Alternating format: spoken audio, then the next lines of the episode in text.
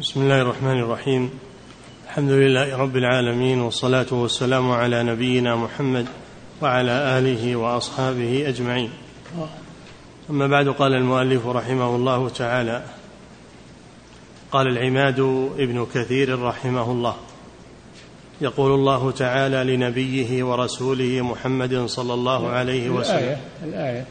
قال المصنف رحمه الله تعالى وقوله قل تعالوا أتل ما حرم ربكم عليكم ألا تشركوا به شيئا وبالوالدين إحسانا ولا تقتلوا أولادكم من إملاق نحن نرزقكم وإياهم ولا تقربوا الفواحش ما ظهر منها وما بطن ولا تقتلوا النفس التي حرم الله إلا بالحق ذلكم وصاكم به لعلكم تعقلون ولا تقربوا مال اليتيم إلا بالتي هي أحسن حتى يبلغ أشده.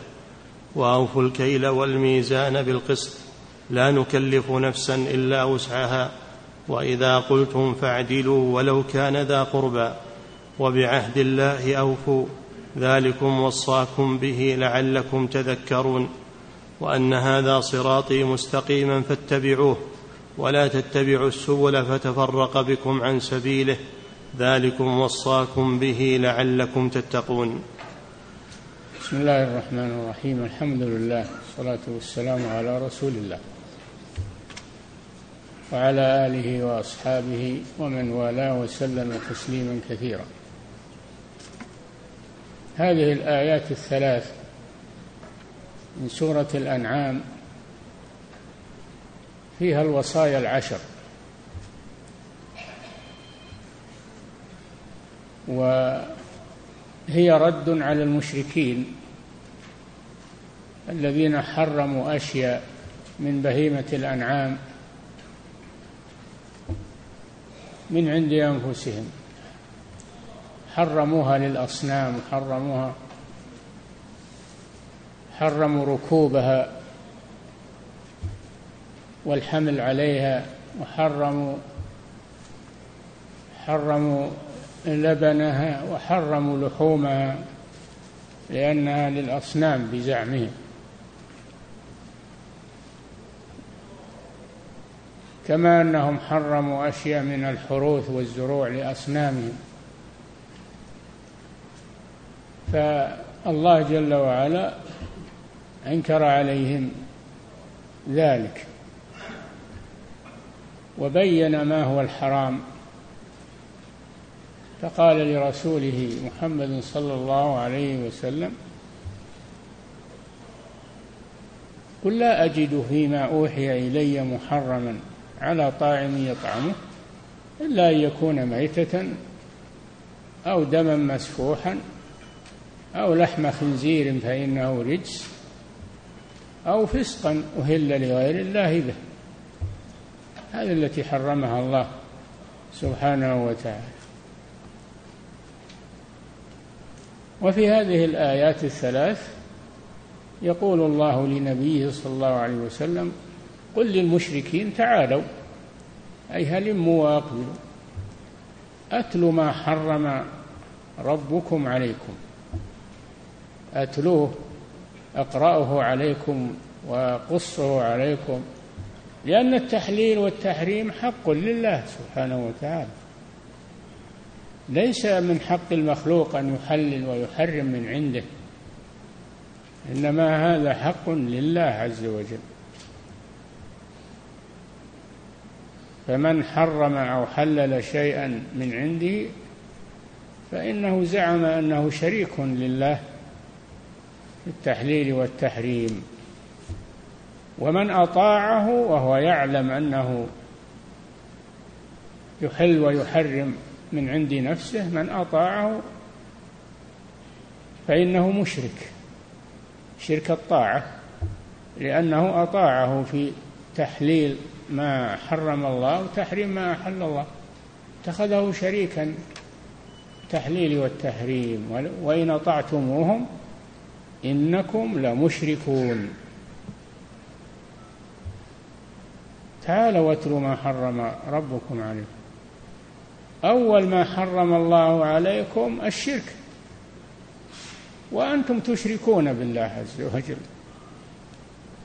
أعظم المحرمات هو الشرك ألا تشركوا به شيئا.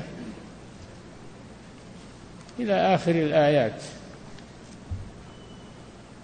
فالتحليل والتحريم حق لله عز وجل. لا يجوز أن يحل أن أحد أن أحدا يحلل ويحرم. من عند نفسه ولا يجوز لأحد أن يطيع من يحرم من عند نفسه أو يحلل من عند نفسه. ما يجوز هذا. اتخذوا أحبارهم ورهبانهم أربابا من دون الله لأنهم يحللون ويحرمون ويطيعونهم في هذا. اتخذوهم أربابا. نسأل الله العافية. فهذه الآيات الثلاث فيها المحرمات التي ذكرها الله فيها. أولها الشرك بالله عز وجل. نعم. ألا تشركوا به شيئا. نعم. قال العماد بن كثير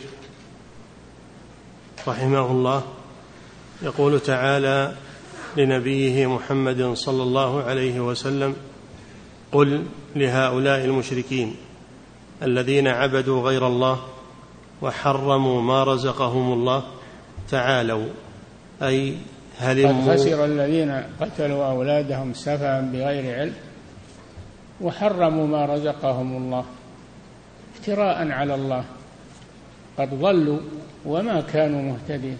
نعم. تعالوا أي هلموا وأقبلوا.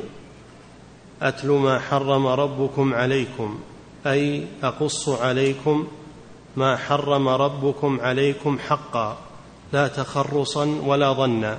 كما تفعلون أنتم تحرمون وتحللون من عند أنفسكم ظنا وتخرصا. نعم. لا تخرصا ولا ظنا بل وحيا منه وأمرا من عنده. نعم. ألا تشركوا به شيئا. هذا أول المحرمات وهو أعظم المحرمات الشرك بالله عز وجل. ومع هذا يشركون بالله ويحرمون الطيبات ويستحلون الشرك الذي هو أعظم المحرمات. نعم. ألا تشركوا به شيئا وكأن في الكلام محذوفا دل عليه السياق. تقديره وصاكم ألا تشركوا به شيئا. ولهذا نعم. ولهذا أول شيء ألا تشركوا به شيئا. وصاكم وأمركم ونهاكم ألا تشركوا به. بالله عز وجل شيئا. وكلمة شيئا نكرة. في سياق النهي تعم كل شيء فلا يشرك مع الله أحد. لا ملك ولا نبي ولا ولي ولا قبر ولا صنم ولا حجر ولا شجر كل شيء لا يشرك مع الله سبحانه وتعالى. ولا ولي من الأولياء. العبادة حق لله. لا يشرك معه فيها أحد. نعم. ألا تشركوا به شيئا وكأن في الكلام محذوفا دل عليه السياق تقديره. وصاكم ألا تشركوا به شيئا ولهذا قال في آخر الآية ذلكم وصاكم به. انتهى. نعم. نعم وصاكم ألا تشركوا به شيئا. تقدير كذا. أخذا من آخر الآية. نعم. انتهى. قلت فيكون المعنى حرم عليكم ما وصاكم بتركه من الإشراك به. نعم. وفي المغني لابن هشام في قوله تعالى آه لابن هشام النحوي المعروف الذي له المؤلفات المفيدة في النحو وهو كتاب مشهور. مغني اللبيب عن كتب الأعاريب. نعم وهو كتاب جيد جدا يبحث في المركبات وال والألفاظ. نعم. وفي المغني لابن هشام في قوله تعالى ألا تشركوا به شيئا سبعة أقوال. أحسنها هذا الذي ذكره ابن كثير ويليه أبين لكم لئلا تشركوا. فحذفت الجملة من أحدهما وهي وصاكم وحرف الجر وما قبله من الأخرى. ولي... نعم القرآن يأتي فيه الحذف للاختصار والإيجاز. إذا دل الدليل على المحذوف فكأنه مذكور. كأنه مذكور إذا دل عليه دليل. يقول آه، ابن مالك وحذف ما يعلم جائز كما تقول زيد بعد من عندكما. فإذا كان الشيء معلوما من السياق فإنه يحذف من باب الإيجاز والاختصار وهذا من البلاغة في الكلام. نعم. حذف ما يعلم جائز كما تقول زيد بعد من عندكما أي عندنا زيد. نعم. ولهذا إذا سئلوا عما يقول لهم رسول الله صلى الله عليه وسلم قالوا يقول اعبدوا الله ولا تشركوا به شيئا. وإذا؟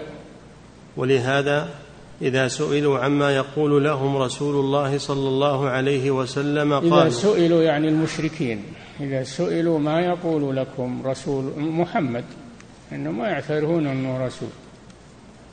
إذا سئلوا ماذا يقول لكم هذا الرجل؟ وهذا جاء في أسئلة هرقل عظيم الروم لما سأل أبا سفيان لما لما جاءه كتاب الرسول صلى الله عليه وسلم يدعوه إلى الإسلام قال هل في البلد منهم أحد؟ قالوا نعم. يعني وفد جاءوا للتجارة برئاسة أبي سفيان. قال احضروهم فأحضروهم عنده. وجعل أبا سفيان هو المقدم. وجعل يسأله. وقال إن أخطأ أو كذب فردوا عليه. فسألهم عن عن هذا الرسول. سألهم ما يأمركم به. أول ما سألهم ما يأمركم به. قال يقول اعبدوا الله. ولا تشركوا به شيئا واتركوا ما يقوله آباؤكم. هذا الذي قال لهم رسول الله صلى الله عليه وسلم. اعبدوا الله ولا تشركوا به شيئا. نعم. ولهذا إذا سئلوا عما يقول لهم رسول الله صلى الله عليه وسلم قالوا يقول اعبدوا الله ولا تشركوا به شيئا. واترك. نعم. وهذا هو مقتضى الدين ومقتضى الفطرة وهذه دعوة الرسل عليهم الصلاة والسلام. كل رسول يقول لقومه اعبدوا الله ولا تشركوا به شيئا.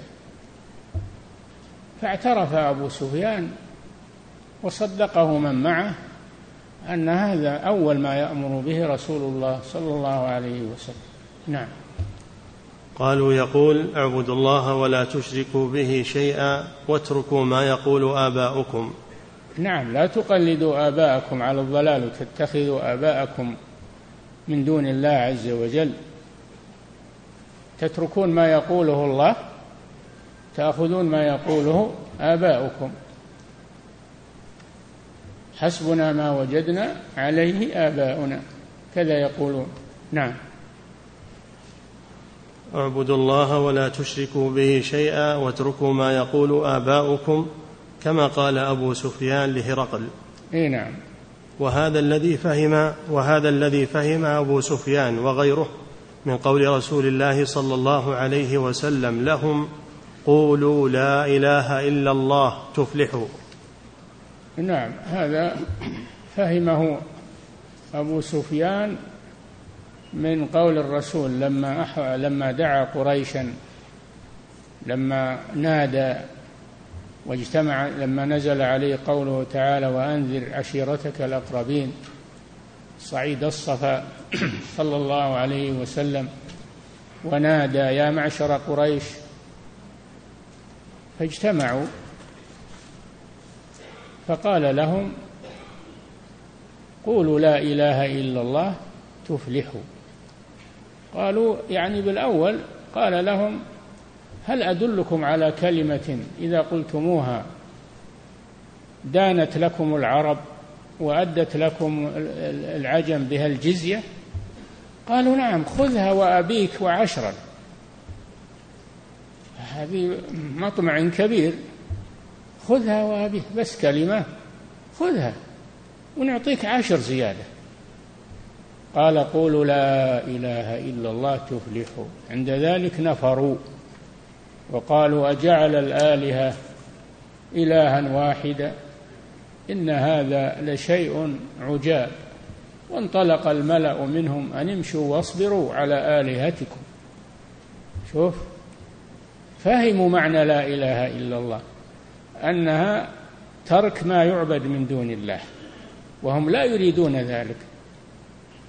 وكثير من المسلمين اليوم ما يعرفون معنى لا إله إلا الله ولذلك يعبدون القبور والأضرحة وهم يقولون لا إله إلا الله لكن ما يعملون بها. فصار الكفار أحذق منهم وأفهم منهم بلا إله إلا الله. جعل الآلهة إلها واحدا. هذا فهموه من قوله قولوا لا إله أي لا معبود بحق إلا الله. فهم قالوا أجعل الآلهة إلها واحدا؟ هذا لشيء عجاب. نعم. قوله وبالوالدين إحسانا. هذا الأمر الثاني. الأمر الثاني بعد حق الله حق الوالدين. وبالوالدين أي وأحسنوا بالوالدين إحسانا. بجميع أنواع الإحسان القولي والعملي نعم. وبالوالدين إحسانا قال القرطبي الإحسان إلى الوالدين برهما وحفظهما وصيانتهما وامتثال أمرهما وإزالة الرق عنهما وترك السلطنة عليهما. نعم. قال القرطبي نعم. الإحسان إلى الوالدين برهما. برهما بأنواع البر القولي والفعلي نعم. وحفظهما. حفظهما مما يؤذيهما. حفظهما مما يؤذيهما. أو يسبب لهما تلفا أو نقصا. نعم. وحفظهما وصيانتهما. نعم. وامتثال أمرهما. امتثال أمرهما إذا أمر بشيء يجب على الولد أن يطيعهما إلا في المعصية. إلا في المعصية. إذا أمراه بمعصية فلا ما يطيعهما. أما ما دام أمرهم بغير معصية فتجب طاعتهما. نعم. وإزالة الرق عنهما. إزالة الرق عنهما. لو ملك أبويه بإرث أو بسبي فإنه لا لا يستمر ملكه عليهما بل يعتقان عليه يعتقان عليه. لا يجوز للولد أن يملك والده بل يعتق عليه. نعم. وترك السلطنة عليهما. لا يتسلط عليهم أو يترفع عليهم أو يأمرهم وينهاهم بل يخضع لهما نعم. وإحسانا نصب على المصدرية. نعم أصله أحسنوا بالوالدين إحسانا فإحسان مصدر أحسنوا. منصوب على المصدرية المفعول المطلق يعني. نعم. وإحسانا نصب على المصدرية وناصبه فعل مضمر من لفظه تقديره وأحسنوا بالوالدين إحسانا. وهذا من الإيجاز في القرآن حذف ما يعلم. نعم. وقوله ولا تقتلوا أولادكم من إملاق. لما أمر بالإحسان إلى الوالدين أمر بالإحسان إلى الأولاد. عمودي النسب الوالدان والأولاد. فتربي أولادك على الخير وعلى على الطاعة وعلى الأخلاق الطيبة وتنفق عليهما وتحسن إليهما. لهم عليك حق الأولاد لهم عليك حق. بعد حق الوالدين. نعم. وقوله ولا تقتلوا أولادكم من إملاق. كانوا في الجاهلية يقتلون أولادهم. منهم من يقتلهم خشية الفقر ولهذا قال نحن نرزق نرزقكم وإياهم ولا تقتلوا أولادكم خشية إملاق. يعني فقر. نحن نرزقهم وإياكم إن قتلهم كان خطأ كبيرا كانوا يقتلونهم خشية الفقر. ويئدون البنات خشية العار يدفنونهن وهن حيات يمتن تحت التراب خشية العار لأنها قد تزني قد تفسد أخلاقها فتجر عارا على أبيها وقبيلتها. الغيرة مطلوبة لكن ما هي في فيها في هذه الصفة. الغيرة التي معها حماية تربية وقاية القتل. نعم. وبعضهم يقتل أولاده للأصنام تقربا إلى الأصنام. قد خسر الذين قتلوا أولادهم سفها بغير علم يقتلونهم للأصنام. كذلك زين لكثير من المشركين قتل أولادهم شركائهم ليردوهم وليلبسوا عليهم دينهم. فيقتلونهم لأحد هذه الأغراض. هذا من أمور الجاهلية. الواجب تربية الأولاد والإحسان إليهما وحفظهما وحمايتهما. الآن أكثر الناس ما يقتلونهم لكن يضيعونهم لا يربونهم لا يتعاهدونهم لا يعلمونهم.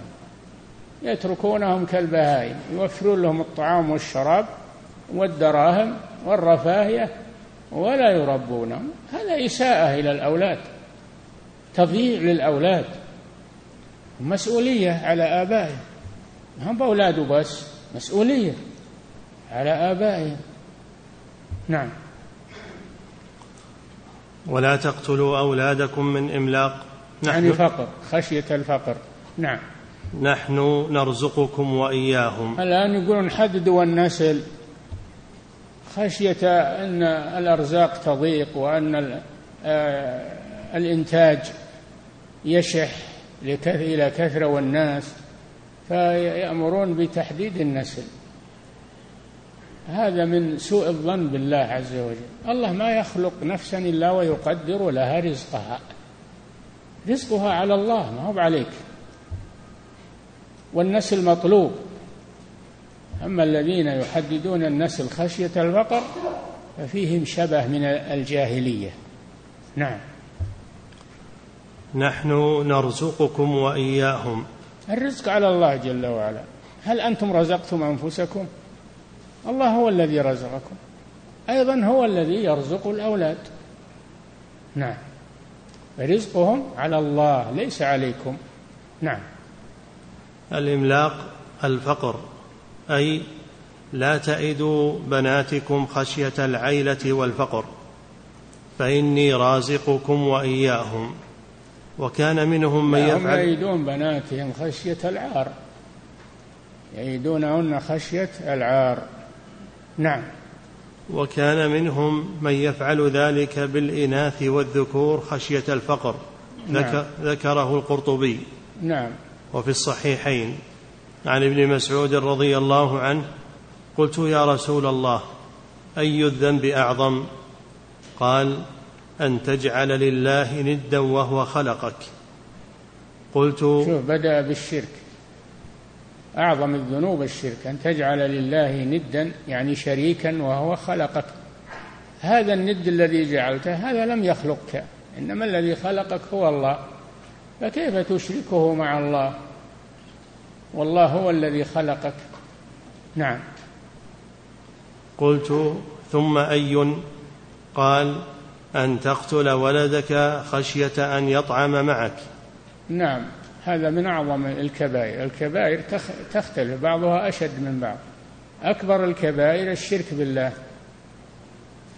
الشرك بالله. هذا أكبر الكبائر. الثاني قتل الأولاد خشية الفقر. وهذا قطيعة رحم أيضا.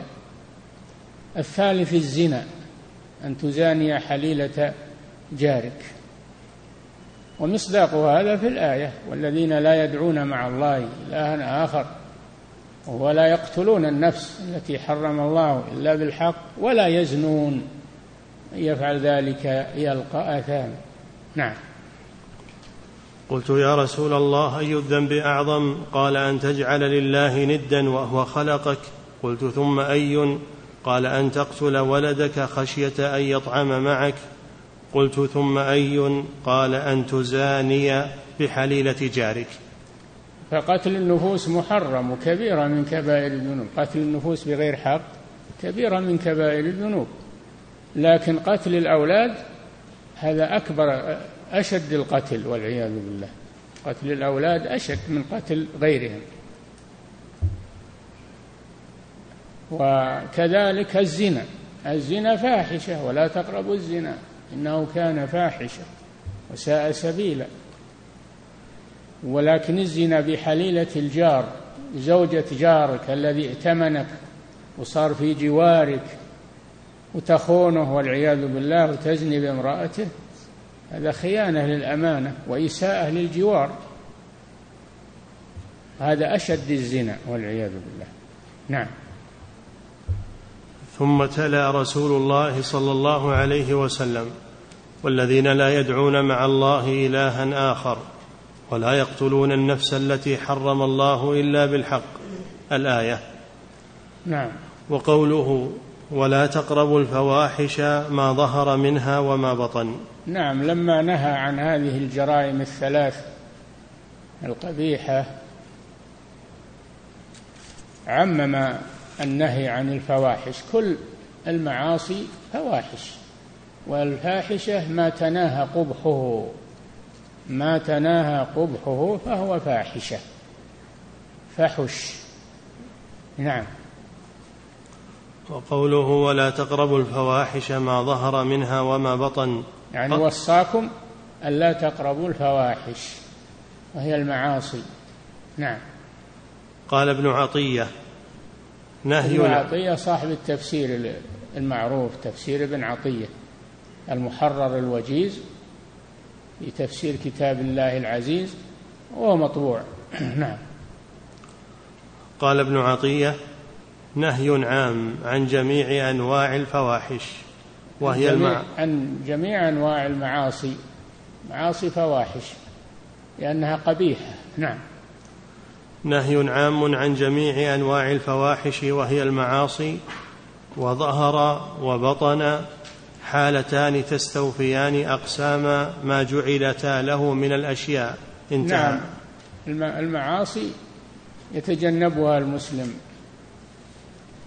ظاهرا وباطنا يتجنبها ظاهرا وباطنا. ما هو يتجنبها في الظاهر وإلى منه خلا وصار محل ما يشوف أحد. يتعاطى المعاصي ما يجوز هذا. الله رقيب عليه مطلع عليه لا يخفى عليه.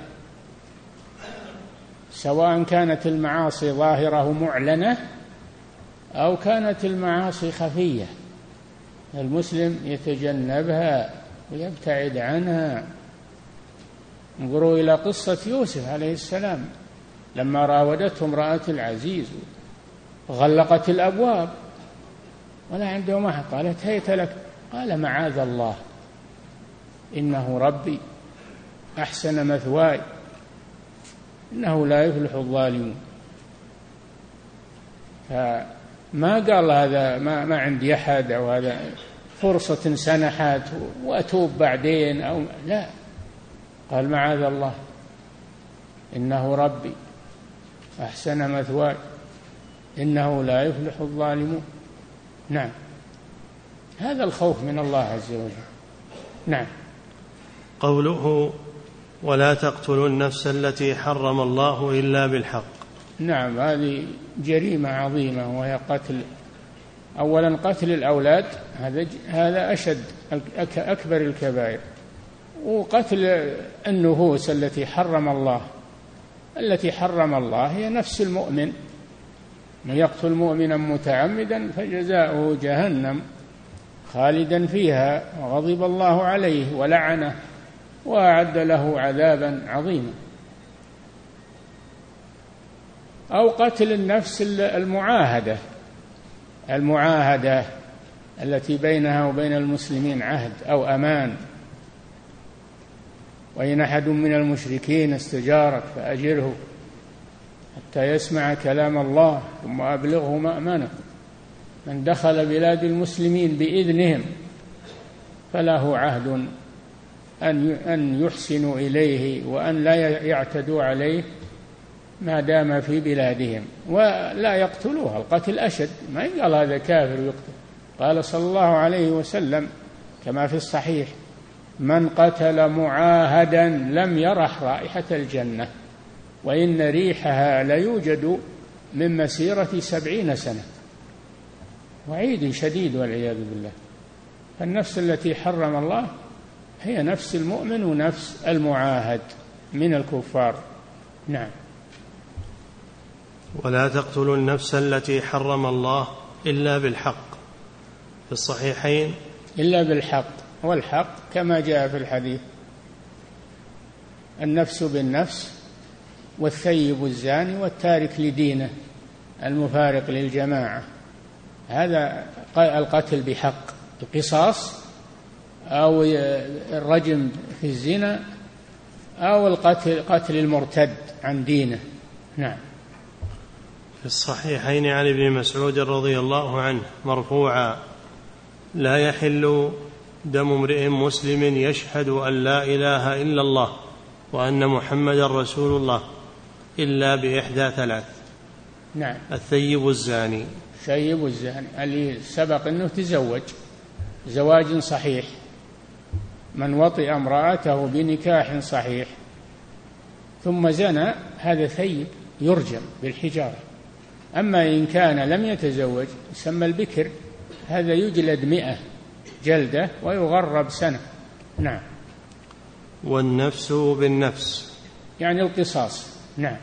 والتارك لدينه المفارق للجماعة. هذا المرتد والعياذ بالله. من ارتد عن دينه فإنه يستتاب. فإن تاب وإلا قتل. حماية للدين من التلاعب. نعم. قوله ذلك بعض بعض المتعالمين الآن والجهال أو المثقفين ثقافة غربية يقولون ما يجوز قتل المرتد. ما يجوز قتل المرتد. هذا معناه إكراه على الدين. والله جل وعلا يقول لا إكراه في الدين. نقول لا إكراه على الدخول في الدين. أما إذا دخل فيه واعترف أنه حق اعترف أنه حق ودخل فيه ثم ارتد هذا يقتل من حماية للعقيدة. وحفظ العقيدة من الضرورات الخمس. حفظ العقيدة من الضرورات الخمس. أما لا إكراه في الدين هذا في البداية. نحن لا نكره أحد على أن يدخل في الدين إلا عن رغبة. لو دخل عن غير رغبة ما صار ما صار للدين عنده قيمة ولا إنما هو وقاية فقط. هذا دين المنافقين والعياذ بالله. فهو ما يجبر على الدخول. لكن إذا تلاعب بالدين يوم مسلم ويوم مرتد هذا يقتل. الدين ما هو بالعوبة. وهو اعترف أنه حق. ودخل فيه عن قناعة. ثم ارتد يجب قتله. نعم. قوله ذلكم وصاكم به لعلكم تعقلون. ذلكم أي ما ذكر في هذه الآية الأولى ما وصاكم الله به. وصى يعني أمركم به. نعم. ذلكم وصاكم به لعلكم تعقلون. قال ابن عطية ذلكم إشارة إلى هذه المحرمات. نعم. والوصية الأمر المؤكد المقرر. الوصية وصاكم به. الوصية هي الأمر المؤكد. وصاكم يعني أمركم أمرا مؤكدا. أن تمتثلوا هذه الأشياء. نعم. والوصية الأمر المؤكد المقرر. وقوله لعلكم تعقلون. لعل للتعليل أي إن الله تعالى وصانا بهذه الوصايا لنعقلها عنه ونعمل بها. لنعقلها يعني لنفهمها. عقل الآية فهمها والعمل بها. نعم. وفي تفسير الطبري الحنفي ذكر أولا غير الطبري صاحب محمد بن جرير هذا غيره. نعم. وفي يعني ابن جرير ما هو حنفي. ابن جرير المشهور هذا مجتهد إمام مجتهد مطلق. نعم. وفي تفسير الطبري الحنفي ذكر أولا لعلكم تعقلون ثم تذكرون. نعم الآية الأولى ختمها بقوله لعلكم تعقلون والثانية ختمها بقوله لعلكم تذكرون.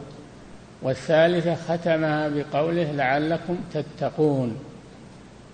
قال هذا المفسر لأن الإنسان إذا عقل تذكر وإذا تذكر خاف واتقى الله عز وجل. هذا من باب التدرج. نعم. وفي تفسير الطبري الحنفي ذكر اولا لعلكم تعقلون ثم تذكرون ثم تتقون.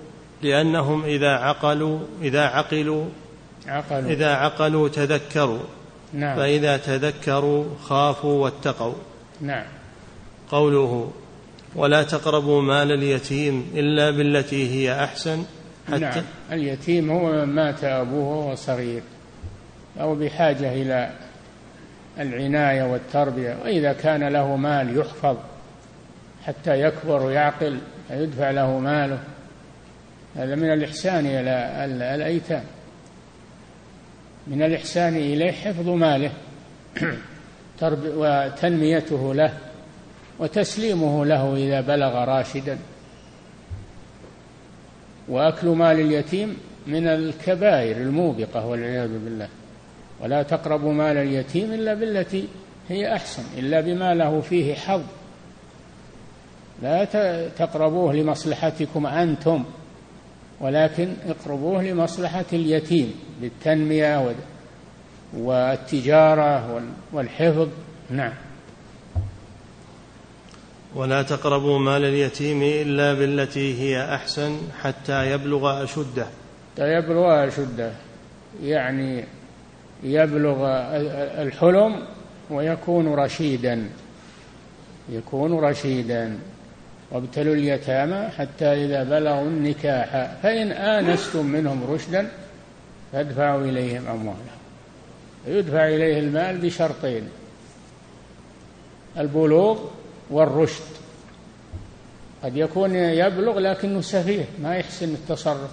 يحجر عليه يحفظ ماله. نعم. قال ابن عطية هذا نهي عام عن القرب الذي يعم وجوه التصرف. نعم.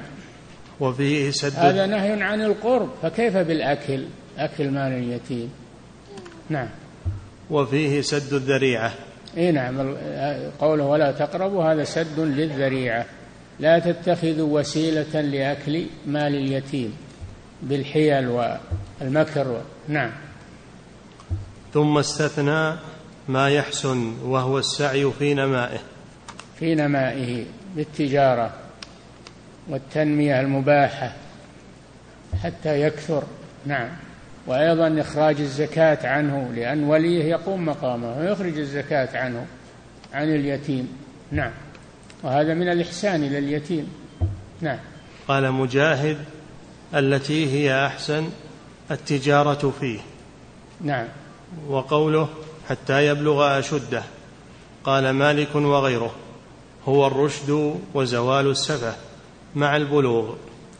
البلوغ وزوال السفة. ما لو بلغ وهو سفي ما يسلم له الماء. يحفظ نعم. قال مالك وغيره هو الرشد وزوال السفه مع البلوغ. روي نحو هذا عن زيد بن أسلم والشعبي. هذا في الآية. وابتلوا اليتامى حتى إذا بلغوا النكاح فإن آنستم منهم رشدا. بلغوا هذه واحد بلغوا النكاح هذه واحد فإن آنستم منهم رشدا هذا الشرط الثاني. نعم. رويها روي نحو هذا عن زيد بن أسلم والشعبي وربيعة وغيرهم. نعم. قوله وأوفوا الكيل والميزان بالقسط. نعم. وصاكم أن توفوا بالكيل إذا كلتم للناس توفوا الموازين إذا وزنتم ولا تبخسوا الناس أشياءهم. والله أهلك قوم شعيب بسبب الشرك وبسبب بخس المكاييل والموازين. ويل للمطففين الذين إذا اكتالوا على الناس يستوفون وإذا كالوهم أو وزنوهم يخسرون. نسأل الله العافية. فيجب على من يبيع ويشتري أو يتعامل مع الناس بالكيل والوزن أن يوفي الكيل ويوفي الوزن ولا ينقصه. وهذا يشمل ما يكون في الصناديق وما يكون في الأكياس. بعض الناس يغش في الصناديق ويغش في الأكياس أكياس الرز وغيره هذا من بخس الناس أشياءهم والعياذ بالله وأكل أموال الناس بالباطل. نعم. قوله وأوفوا الكيل والميزان بالقسط. بالقسط يعني بالعدل. نعم.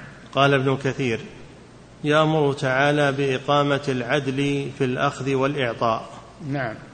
لا نكلف نفسا إلا وسعها. فلا تأخذ منهم أكثر من حقك إلا إذا سمحوا ولا تبخسهم حقوقهم. نعم. لا نكلف نفسا إلا وسعها أي من اجتهد بأداء الحق وأخذه فإن فإن أخطأ بعد استفراغ وسعه وبذل جهده فلا حرج عليه. يعني ما يشترط مئة بالمئة أنه ما ينقص الكيل والوزن. هذا إذا تعمد أما إذا كان النقص يسير ولا تعمده هذا معفو عنه. لا نكلف نفسا إلا وسعها. أن تجتهد أن تعطي الناس حقوقهم وتوفي لهم الكيل والوزن فلو حصل نقص لم تقصده أنت فإنك لا تؤاخذ على هذا. نعم. لا نكلف نفسا إلا وسعها. نعم. قوله وإذا قلتم فاعدلوا ولو هذا هذا كما أنك تفي للناس بالكيل والوزن تفي لهم بالقول أيضا. لا تبخس الناس حقوقهم بالسب والشتم و...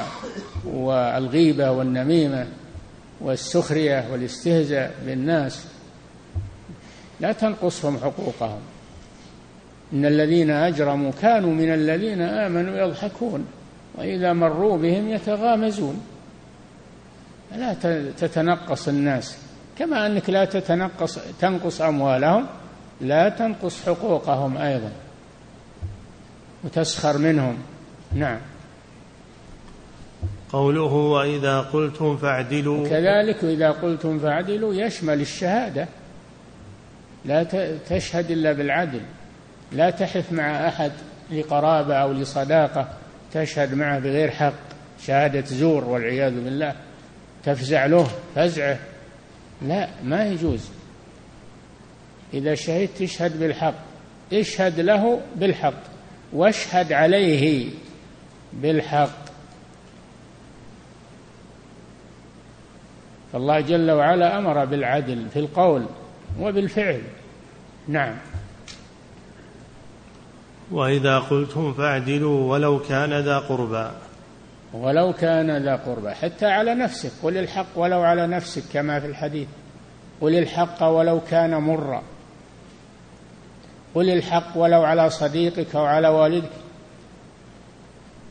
إن يكن غنيا أو فقيرا فالله أولى بهما. فلا تتبعوا الهوى أن تعدلوا. وإن تلووا أو تعرضوا فإن الله كان بما تعملون خبيرا. فاعدل في الفعل واعدل في القول أيضا. نعم. وإذا قلتم فاعدلوا ولو كان ذا قربى. إذا تكلمت بأحد خلك عادل. ما تمدحه بشيء ليس فيه ولا تذمه بما فيه حتى لا تذمه بالذي فيه. استر عليه و نعم. وإذا كذبت عليه هذا أشد. إذا كذبت عليه فهذا أشد. لكن حتى لو ما كذبت عليه فأنت تستر عليه وتنصحه. نعم. وإذا قلتم فاعدلوا ولو كان ذا قربى هذا أمر بالعدل في القول والفعل. ولو كان ذا قربى. لا تحملك القرابة على الحيف معه. الشهادة لا معه شهادة زور. تعديله تزكيته بغير حق. نعم. تصديقه كاذب. نعم. وإذا قلتم فاعدلوا ولو كان ذا قربى هذا أمر بالعدل في القول والفعل. على القريب والبعيد. نعم. قال الحنفي. يا أيها الذين آمنوا كونوا قوامين لله.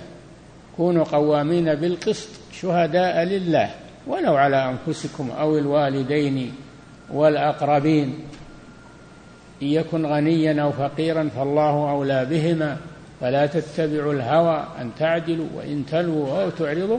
فإن الله كان بما تعملون خبيرا. نعم. قال الحنفي العدل في القول في حق الولي والعدو. لا العدو الولي والعدو. ما تقول هذا عدو قلعته خله تكذب عليه ولا تشهد عليه شهادة زور تضره ما يجوز هذا. الله جل وعلا قال ولا يجرمنكم شنآن قوم على ألا تعدلوا. اعدلوا هو أقرب للتقوى. والشنآن معناه البغض. لا يحملك بغضه على أنك تجحف في حقه حتى ولو كان كافرا. ولا يجرمنكم شنآن قوم أن صدوكم عن المسجد الحرام أن تعتدوا. وتعاونوا على البر والتقوى ولا تعاونوا على الإثم والعدوان. اتقوا الله إن الله شديد العقاب. فالعدل واجب مع القريب والبعيد ومع الصديق والعدو ومع المؤمن والكافر. ما يجوز الجور أبدا ولا الظلم. نعم. قال الحنفي العدل في القول في حق الولي والعدو لا يتغير في الرضا والغضب. نعم. إذا إذا زعلت على أحد لا يحملك الزعل عليه أنك تضره بالقول وتكذب عليه أو تشتمه أو تسبه امسك لسانك. نعم. لا يتغير في الرضا والغضب بل يكون على الحق. نعم. وإن كان ذا قربى فلا يميل إلى الحبيب والقريب. نعم. ولا يجرمنكم شنآن قوم فلا على تجور على العدو ولا تحيف مع القريب. نعم. ولا يجرمنكم شنآن قوم على ألا تعدلوا. اعدلوا هو أقرب للتقوى. نعم. قوله وبعهد الله أوفوا إذا العهود والوفاء بالعهود العهد مع ولي الأمر العهد مع الكفار العهد بين الناس فيما تعاهدوا عليه يجب. وأوفوا بعهد الله إذا عاهدتم ولا تنقضوا الأيمان بعد توكيدها نعم وبعهد الله أوفوا قال ابن جرير وبوصية الله تعالى التي وصاكم بها فأوفوا. هذا و... العهد مع الله. العهد مع الله هذا أول شيء تفي به. العهد مع ولي الأمر تفي به. العهد مع الكفار تفي به. العهد مع إخوانك ومع أصدقائك تفي به وهكذا. نعم. وبعهد الله أوفوا. قال ابن جرير وبوصية الله تعالى التي وصاكم بها فأوفوا. هذا أعظم العهود عهد الله عز وجل. نعم. التي وصاكم بها فأوفوا وانقادوا لذلك. نعم. بأن تطيعوه فيما أمركم به ونهاكم عنه. وت... هذا الوفاء بعهد الله مع الله. نعم. وتعملوا بكتابه. وسن نعم. وسنة رسوله صلى الله عليه وسلم. وذلك هو الوفاء بعهد الله. نعم. وكذا قال غيره. نعم. قوله ذلكم وص... وليس هذا خاصا بالعهد اللي بينك وبين الله بل العهود الأخرى أيضا. نعم. قوله ذلكم وصاكم به لعلكم تذكرون أي تتعظون وتنتهون عما كنتم فيه. نعم. قوله وأن هذا صراطي مستقيما فاتبعوه ولا تتبعوا السبل فتفرق بكم عن سبيله. صراط الله هو دين الإسلام. فتتبع الإسلام الذي شرعه الله لك. تترك والسبيل الإسلام هو ما, ما عليه الرسول صلى الله عليه وسلم وأصحابه والسلف الصالح. هذا هو صراط الله. تتبعه. هناك طرق ومذاهب ونحل آه، حزبيات وبلاوي اتركها. خليك مع الصراط المستقيم ولا تتبعوا السبل فتفرق بكم عن سبيله. لأنك إذا تتبعت السبل الأخرى تركت سبيل الله عز وجل. إذا تبعت المناهج الأخرى تركت منهج الله الذي عليه رسوله صلى الله عليه وسلم. ما يجتمع هذا وهذا. إنك تكون مع السبل ومع سبيل الله. ما يجتمع ابدا. خليك مع سبيل الله. نعم. قوله وأن هذا صراطي مستقيما فاتبعوه ولا تتبعوا السبل فتفرق بكم عن سبيله. قال القرطبي هذه آية عظيمة. نعم. عطفها على ما تقدم. فإنه لما نهى يبتلى به كثير من الناس يعني وأن هذا صراطي مستقيما فاتبعوه ولا تتبعوا السبل. يبي يعترضك سبل أخرى شبهات مذاهب مناهج. كل ما خالف صراط الله اتركه. لأنك إذا ذهبت معه جذبك عن سبيل الله. على كل سبيل منها شيطان. يدعو الناس إليه. ولا تتبعوا السبل فتفرق بكم عن سبيله. نعم. هذه وصية عظيمة. نعم. قال القرطبي هذه آية عظيمة عطفها على ما تقدم فإنه لما نهى وأمر حذر عن اتباع غير سبيله على ما بينته الأحاديث الصحيحة وأقاويل السلف. نعم. وأن في موضع ستفترق هذه الأمة على ثلاث وسبعين فرقة كلها في النار إلا واحدة. قيل من هي؟ قال من كان على مثل ما أنا عليه اليوم وأصحابي هذا صراط الله عز وجل. سيحدث مذاهب سيحدث مناهج سيحدث أشياء كثيرة لكن احذروها. والزموا صراط الله المستقيم. أن تدعو الله كل صلاة في آخر الفاتحة اهدنا الصراط المستقيم. أن تدعو الله بهذا في كل ركعة. عليك أن تعرف صراط الله ما هو ثم تلتزمه وتسير عليه. ولا تغتر بما عداه من الأقوال المزخرفة والمناهج المزينة وإلى آخره. نعم. وأن في موضع نصب أي واتلو أن هذا صراطي نعم. عن الفراء والكسائي قال الفراء ويجوز أن يكون خفضا أي وصاكم به. هذا بحث لغوي ما علينا منه. المهم السياق نعم. أي وصاكم به وبأن هذا صراطي. قال والصراط الطريق نعم. ال- الذي هو دين الإسلام. أي نعم. مستق... الصراط في اللغة هو الطريق أي طريق لكن المراد به في القرآن هو الإسلام. نعم. قال والصراط الطريق الذي هو دين الإسلام. مستقيما نعم. نصب على الحال ومعناه مستويا قويما لا اعوجاج فيه. نعم. فأمر باتباع طريقه الذي طرقه على لسان محمد صلى الله عليه وسلم وشرعه ونهايته الجنة. نعم. إذا سلكت هذا الطريق ولم تخرج عنه دخلت الجنة. وهذا هذا الصراط طرفه بأيديكم وطرفه الآخر بيد الله. فإذا أخذته وصلت إلى الله ودخلت الجنة. لكن هذا يحتاج إلى علم يحتاج إلى عمل يحتاج إلى صبر يحتاج إلى بصيرة. ولكن إذا وفق المسلم سهل عليه ذلك كله. نعم. والأعمال بالنيات إذا صلحت نية الإنسان وفقه الله عز وجل. نعم. وتشعبت منه طرق فمن سلك الجادة نجا. نعم. ومن خرج إلى تلك الطرق أفضت به إلى النار. نعم. قال الله تعالى ولا تتبعوا السبل فتفرق بكم عن سبيله أي تميل. انتهى. نعم. وروى الإمام أحمد والنسائي والداري الرسول صلى الله عليه وسلم بين هذا بالصورة صوره للصحابة وصور ما بجنباته من الطرق وحذر منها. نعم. انتبهوا.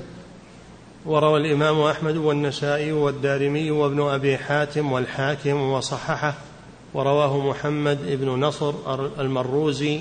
مروزي. المروزي. نعم. في كتاب الاعتصام بسند صحيح عن ابن مسعود. الاعتصام يعني بالكتاب والسنة. نعم. عن ابن مسعود قال خط رسول الله صلى الله عليه وسلم خطا بيده. ثم قال هذا سبيل الله مستقيما. نعم. ثم خط خطوطا عن يمين ذلك الخط وعن شماله. انتبهوا نعم. ثم قال وهذه السبل ليس منها سبيل إلا وعليه شيطان يدعو إليه. نعم دعاة على أبواب جهنم كما في الحديث من أطاعهم قذفوه فيها. نعم. ثم قرأ فهذه السبل عليها دعاة دعاة ضلال والعياذ بالله ومغريات أيضا. نعم. ثم قرأ وأن هذا صراطي مستقيما فاتبعوه ولا تتبعوا السبل فتفرق بكم عن سبيله. تلا رسول الله صلى الله عليه وسلم هذه الآية لما صور لهم الصراط المستقيم والسبل بخطوط على الأرض من باب التوضيح. نعم. وعن مجاهد ولا تتبعوا السبل قال البدع والشبهات. إن هذا من السبل البدع في الدين والشبهات اللي تترك من أجلها الأدلة إلى الشبهات هذا من السبل. نعم. قال العلامة ابن القيم رحمه الله تعالى ولنذكر في الصراط المستقيم قولا وجيزا. يكفي نقف عند هذا. نعم. آية عظيمة هذه آيات عظيمة عظيمة جدا. نعم.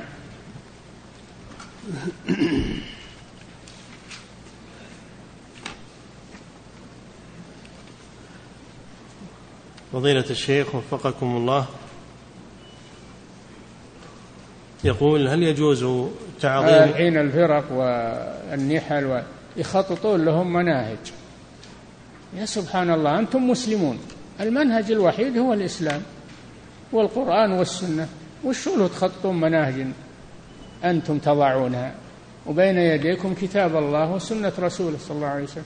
وما عليه السلف الصالح. ما حاجة إلى هذه المخططات. نعم. فضيلة الشيخ وفقكم الله هل يجوز تعظيم الكفار كأن يقال مثلا عظيم الروم؟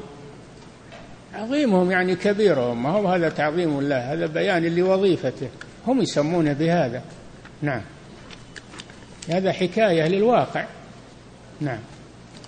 فضيلة الشيخ وفقكم الله يقول إذا كان هناك عالم من العلماء. قال مثلا هرقل عظيم الروم وكسرى عظيم الفرس يعني رئيسهم. نعم. فضيلة الشيخ وفقكم الله إذا كان هناك عالم من العلماء قد أحل الحرام باجتهاد وكان هناك طالب علم قد تبين له الأمر وأن الحق أن هذا الأمر حرام. ولكنه أعرض عما علمه واتبع ذلك العالم المخطئ لأنه يقول هو أعلم مني. فهل فعله صحيح؟ لا ما هم متبعه إلا وافت هواه. إذا وافق قول هذا العالم الخطأ وافق هواه أخذه قال هذا بذمته أنا ما عليك لأنه يوافق هواه. ولا لو يخالف هواه له حق ما يبيه. إلا إن كان فيه إيمان. أما صاحب الهوى ما يأخذ من أقوال العلماء إلا ما يوافق هواه. نعم. فضيلة الشيخ وفقكم الله هذه الفرق والأحزاب يدعي كثير منهم أنه هو الذي على الصراط المستقيم. يا أخي عندنا الميزان ما هي بالمسألة دعاوى. قل يا أهل الكتاب تعالوا إلى كلمة سواء بيننا وبينكم. المسألة واضحة. نجيب الميزان الله الذي أنزل الكتاب بالحق والميزان. فأجيب الميزان وهو الكتاب والسنة. فمن كان يوافق قوله أو منهجه الكتاب والسنة هذا حق. ومن كان يخالف فهو باطل. نعم. فضيلة الشيخ تنازعتم في شيء؟ ردوه إلى الله والرسول. كنتم تؤمنون بالله واليوم الآخر. وما اختلفتم فيه من شيء فحكمه إلى الله. الله ما ضيعنا لأقوال الناس. وضع لنا صراطا مستقيما. نمشي عليه. نعم. فضيلة الشيخ وفقكم الله.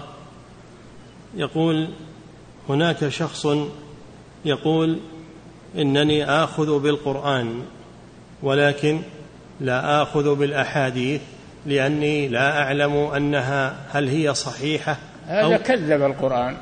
هذا كذب القرآن اللي يقول أنا آخذ وكذبه لأن الله يقول وما آتاكم الرسول فخذوه وما نهاكم عنه فانتهوا. ويقول وما أرسلنا من رسول إلا ليطاع بإذن الله. ويقول وأطيعوا الله وأطيعوا الرسول. هو كذب القرآن اللي يزعم إنه يؤمن بالقرآن. نعم. فضيلة الشيخ وفقكم الله يقول السائل نحن من جنوب روسيا وكثير من المنتسبين إلى الإسلام يقعون في الشرك الأكبر هناك بسبب أخذ دينهم عن شيوخ الصوفية. سؤاله ما كيفية تعاملنا مع هؤلاء؟ وهل نتعامل معهم معاملة المشركين أو معاملة المسلمين الجاهلين؟ أنتم تعرفون أنهم مشركون. ولكن ما تتركونهم. ادعوهم إلى الله بينوا لهم ربما أنهم يجهلون. ادعوهم إلى الله بينوا لهم. لما عرفتم الحق بينوه لهم لعل الله أن يهديهم. فإن لم يقبلوا فاتركوهم ابتعدوا عنهم. إنك لا تهدي من أحببت لكن الله يهدي من يشاء. نعم. فضيلة الشيخ وفقكم الله يقول هل يجوز للمسلم أن يسافر إلى بلد الكفر ليزور والديه. نعم. هذا غرض صحيح. يزور والديه ويدعوهم إلى الله وأيضا يحسن إليهما إذا كانوا يحتاجون. هذا لغرض صحيح. لا بأس. نعم. فضيلة الشيخ وفقكم الله. يقول كيف الجمع بين قول الله تعالى ولا تتبعوا السبل وقوله سبحانه والذين جاهدوا فينا لنهدينهم سبلنا. سبل سبل الأنبياء يعني. سبل الأنبياء والمرسلين. نعم. فضيلة الشيخ وفقكم الله من يقول أكتفي من يقول أكتفي بولدين أو بثلاثة خشية الفقر. وماتوا. ها؟ أنت تضمن أنهم يحيون تضمن أنهم يصلحون. ما تضمن هذا. نعم. والفقر والغنى ما هو بعندك عند الله سبحانه وتعالى. نعم.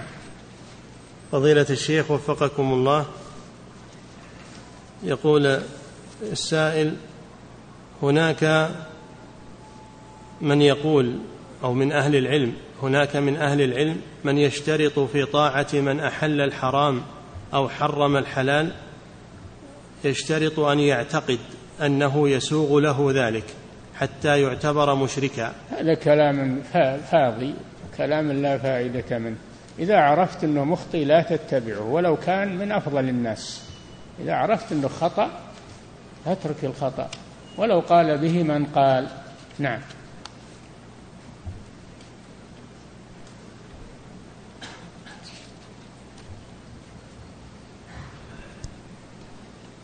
الله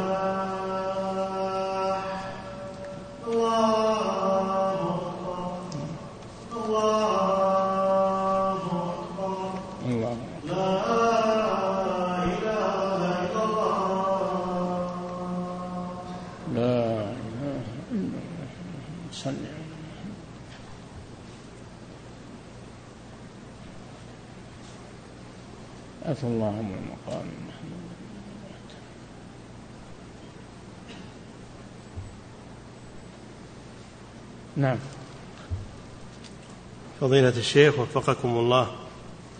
يقول هناك بعض الناس يقول إن الحياة في حياة في عهد رسول الله صلى الله عليه وسلم كانت حياة بسيطة والأمور متيسرة. أما في الوقت المعاصر فإن المصاريف كثيرة والأقساط للأولاد كثيرة فيجب أن يحدد النسل لكي لا يكثر الفقراء ويحتاجوا هذا سوء ظن بالله عز وجل. يكثر الفقراء. إيش يدريك؟ اللي خلقهم يرزقهم. رزقهم على الله يا أخي. وبالعكس إذا كثرت الأيدي العاملة يكثر الإنتاج. وإذا قلت الأيدي العاملة قل الإنتاج. هذا الفقر. نعم. فضيلة الشيخ وفقكم الله. يقول هل يدخل قضاء الدين عن الوالدين في إزالة الرق عنهما؟ لا. لا ما يكفي. لازم من إزالة الرق عنهما تحريرهما. إن كانوا في ملكك يعتقون غصبا عليك وإن كانوا في ملك غيرك تشتريهم تعتقهم. نعم. فضيلة الشيخ وفقكم الله القصة المشهورة عن عمر بن الخطاب رضي الله عنه وأرضاه في دفنه لابنته. هل هي صحيحة ثابتة؟ الله أعلم. في الجاهلية هذا في الجاهلية. عندهم الشرك أعظم من هذا. عندهم الشرك أعظم من وأد البنات. نعم. فضيلة الشيخ وفقكم الله بقوله صلى الله عليه وسلم التارك لدينه المفارق للجماعة.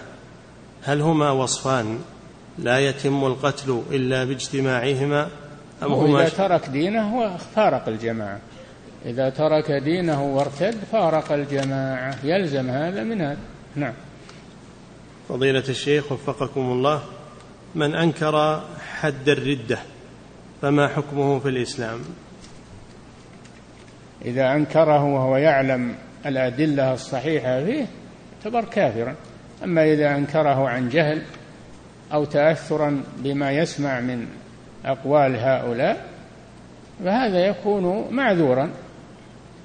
ولكن عليه أنه يسأل ما يبقى على جهله؟ يسأل. نعم. فضيلة الشيخ وفقكم الله يقول هناك من يقول من بدل دينه فاحترموه لأنه قد استعمل عقله. هذا مضاد لقول الرسول صلى الله عليه وسلم من بدل دينه فاقتلوه. وهذا يقول احترموه. قارن بين هذا وبين قول الرسول صلى الله عليه وسلم. نعم هذا إلحاد والعياذ بالله. نعم. فضيلة الشيخ وفقكم الله. المسألة ما هي مسألة عقل المسألة مسألة عبادة. أنت عبد. عبد لله مهما كنت أنت عبد. ما تخرج عن عبودية الله عز وجل. ما أنت بحر عبد. لكن تحرر من الهوى تحرر من دين المشركين تحرر من رق المشركين. وأما الله جل وعلا فأنت عبد له وعبادتك لله شرف وعبادتك لغيره ذل. عبادتك لله شرف لك وعز لك ورفعة لك. أما عبادتك لغيره فهي ذل. وهي انحطاط. نعم. فضيلة الشيخ وفقكم الله. في قول يوسف عليه الصلاة والسلام إنه ربي أحسن مثواي. يقول هل يقصد أو هل يقصد بذلك سيده صاحب البيت؟ يحتمل نعم يحتمل. أنه يقول أنا ما أخون سيدي إنه ربي أحسن مثواي. أو يقصد ربه الله عز وجل. كلاهما صحيح وكلاهما حق. نعم.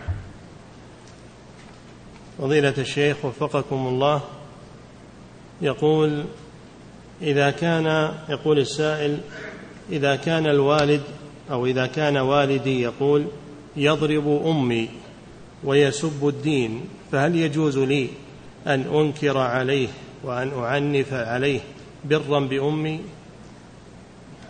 إذا كان يسب الدين تنكر عليه غيرة لله ولدينه. وأيضا إذا كان يخطي على أمك تنصحه عن هذا وتبين له. نعم. فضيلة الشيخ وفقكم الله يقول هل يجوز للابن أن يدعو على أبيه إذا كان أبوه ظالما؟ لا هذا من العقوق. يصبر على ظلمه يصبر على إساءته إليه. تحمل هذا. نعم. فضيلة الشيخ وفقكم الله يقول هل هناك فرق بين القاسطين والمقسطين؟ نعم. القاسطين يعني الجائرين. وأما المقسط فهو العادل. هذا من الثلاثي. القاسط من الثلاثي من قسط بمعنى جار.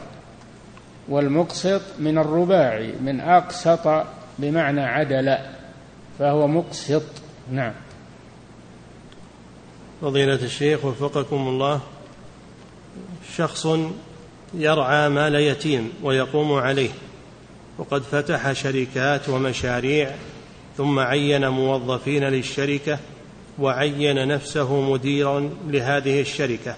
سؤاله هل يجوز أن يأخذ مالا على عمله من مال اليتيم بصفته مديرا لهذه الشركة؟ يأخذ قدر خدمته قدر ما يأخذ غيره ولا يزيد على ذلك. ف ومن, كان غنيا فليستعفف يقول الله جل وعلا. ومن كان فقيرا فليأكل بالمعروف. شوف بالمعروف. من أجرة عمله أو كفايته. أيهما أقل؟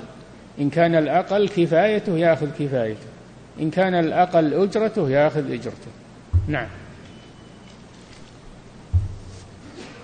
فضيلة الشيخ وفقكم الله لو أن شخصا تاجر بمال اليتيم ثم خسر ثم خسر في هذه التجارة. نعم.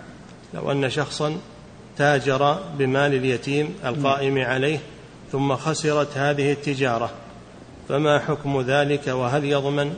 لا لا ما يضمن. هذا مأذون له شرعا أن يتاجر به. إذا لم يفرط إذا لم يفرط حصل شيء من النقص لا يضمن هذا لأنه مأذون له شرعا. نعم. فضيلة الشيخ وفقكم الله هل أحاديث النهي عن الغيبة تشمل أيضا عدم التحذير من دعاة الفتنة والخروج؟ يقول هل أحاديث النهي عن الغيبة تشمل عدم التحذير من دعاة الفتنة والخروج؟ هذا ما هو بغيبة هذا نصيحة. تحذير من دعاة الفتنة ومن أهل الشر هذه نصيحة للمسلمين ما هي بغيبة. نعم. فضيلة الشيخ وفقكم الله يقول ما يقوم به البعض من قدح في العلماء والمشايخ وطلبة العلم وتتبع أخطائهم والتشهير بهم. هل يعد هذا من النصيحة؟ وهل من نصيحة في هذا؟ لا هذا يعد من الغيبة المحرمة ومن أكل لحوم العلماء؟ نعم. فضيلة الشيخ وفقكم الله يقول ما الغالب أن هذا ما هو قصده الغيرة على دين الله هذا قصده التشهي و... وعداوة أهل الخير يتشفى بهذا. نعم. فضيلة الشيخ وفقكم الله ما الضابط في غيبة المبتدع لأجل التحذير منه؟ وإلى متى قدر الحاجة الضابط قدر الحاجة ولا تزد على قدر الحاجة في ذلك. نعم. ثم يقول حفظك الله وإلى, وإلى أي حد نتعامل معه بالنصح وعدم الوقوع في عرضه ثم نبين خطأه بعد ذلك؟ إذا لم يقبل حذر الناس منه. إذا لم يقبل النصيحة وهو على الناس منه خطورة أنه ينشر الشر بينهم فأنت تحذر منه. أما إذا كان شره قاصرا عليه ولا يتعدى على الناس فاتركه لنفسه وحسيبه الله. نعم. فضيلة الشيخ وفقكم الله يقول إذا إذا تصدقت بصدقة أو كفلت يتيما أو فطرت صائما ثم نويت ذلك لشخص حي وثوابه لشخص حي. هل يجوز ذلك؟ هذا عند الفعل أما أنك تنويه لك ومن بعدين تنويه للغير لا هذا عند الفعل. تنويه لك ولا لغيرك؟ عند الفعل. عندما تفعل الشيء تكون ناويا أنه لك أو أنه لغيرك. نعم. فضيلة الشيخ وفقكم الله يقول السائل في هذا الزمن وفي هذا البلد خرج من يقول بالوقف في القرآن وأنه لا مخلوق ولا منزل. نسأل الله العافية. يقول ما حكم هذا شاك. هذا شاك في القرآن. يقول ما أدري هو مخلوق ولا ما هو مخلوق؟ ولا يعترف أنه كلام الله عز وجل. هذا شاك والعياذ بالله. نعم. فضيلة الشيخ وفقكم الله يقول عندي شقة للأيجار والمستأجر يرغب بالإتيان بطبق بطبق فضائي للاستقبال مع استعمال قنوات غير جيدة. هل يجوز لي أن أشترط عليه عدم الإتيان بها؟ نعم. يشترط عليه عند التأجير. هذا شرط صحيح إنه ما يأتي بقنوات سيئة قنوات فاسدة. نعم. لك الحق في هذا. نعم. فضيلة الشيخ وفقكم الله يقول بعد ركوعي في الصلاة شككت هل قرأت الفاتحة أو لم أقرأها؟ يقول فما الحكم؟ هذا وسواس اترك الوسواس. استمر في صلاتك والحمد لله. نعم. فضيلة الشيخ وفقكم الله يقول هل هناك ذكر وارد بعد التكبيرة الرابعة في صلاة الجنازة؟ ما أعرف شيء لا. يعني التكبيرة الرابعة يسلم ولا ولا فيه ذكر. نعم.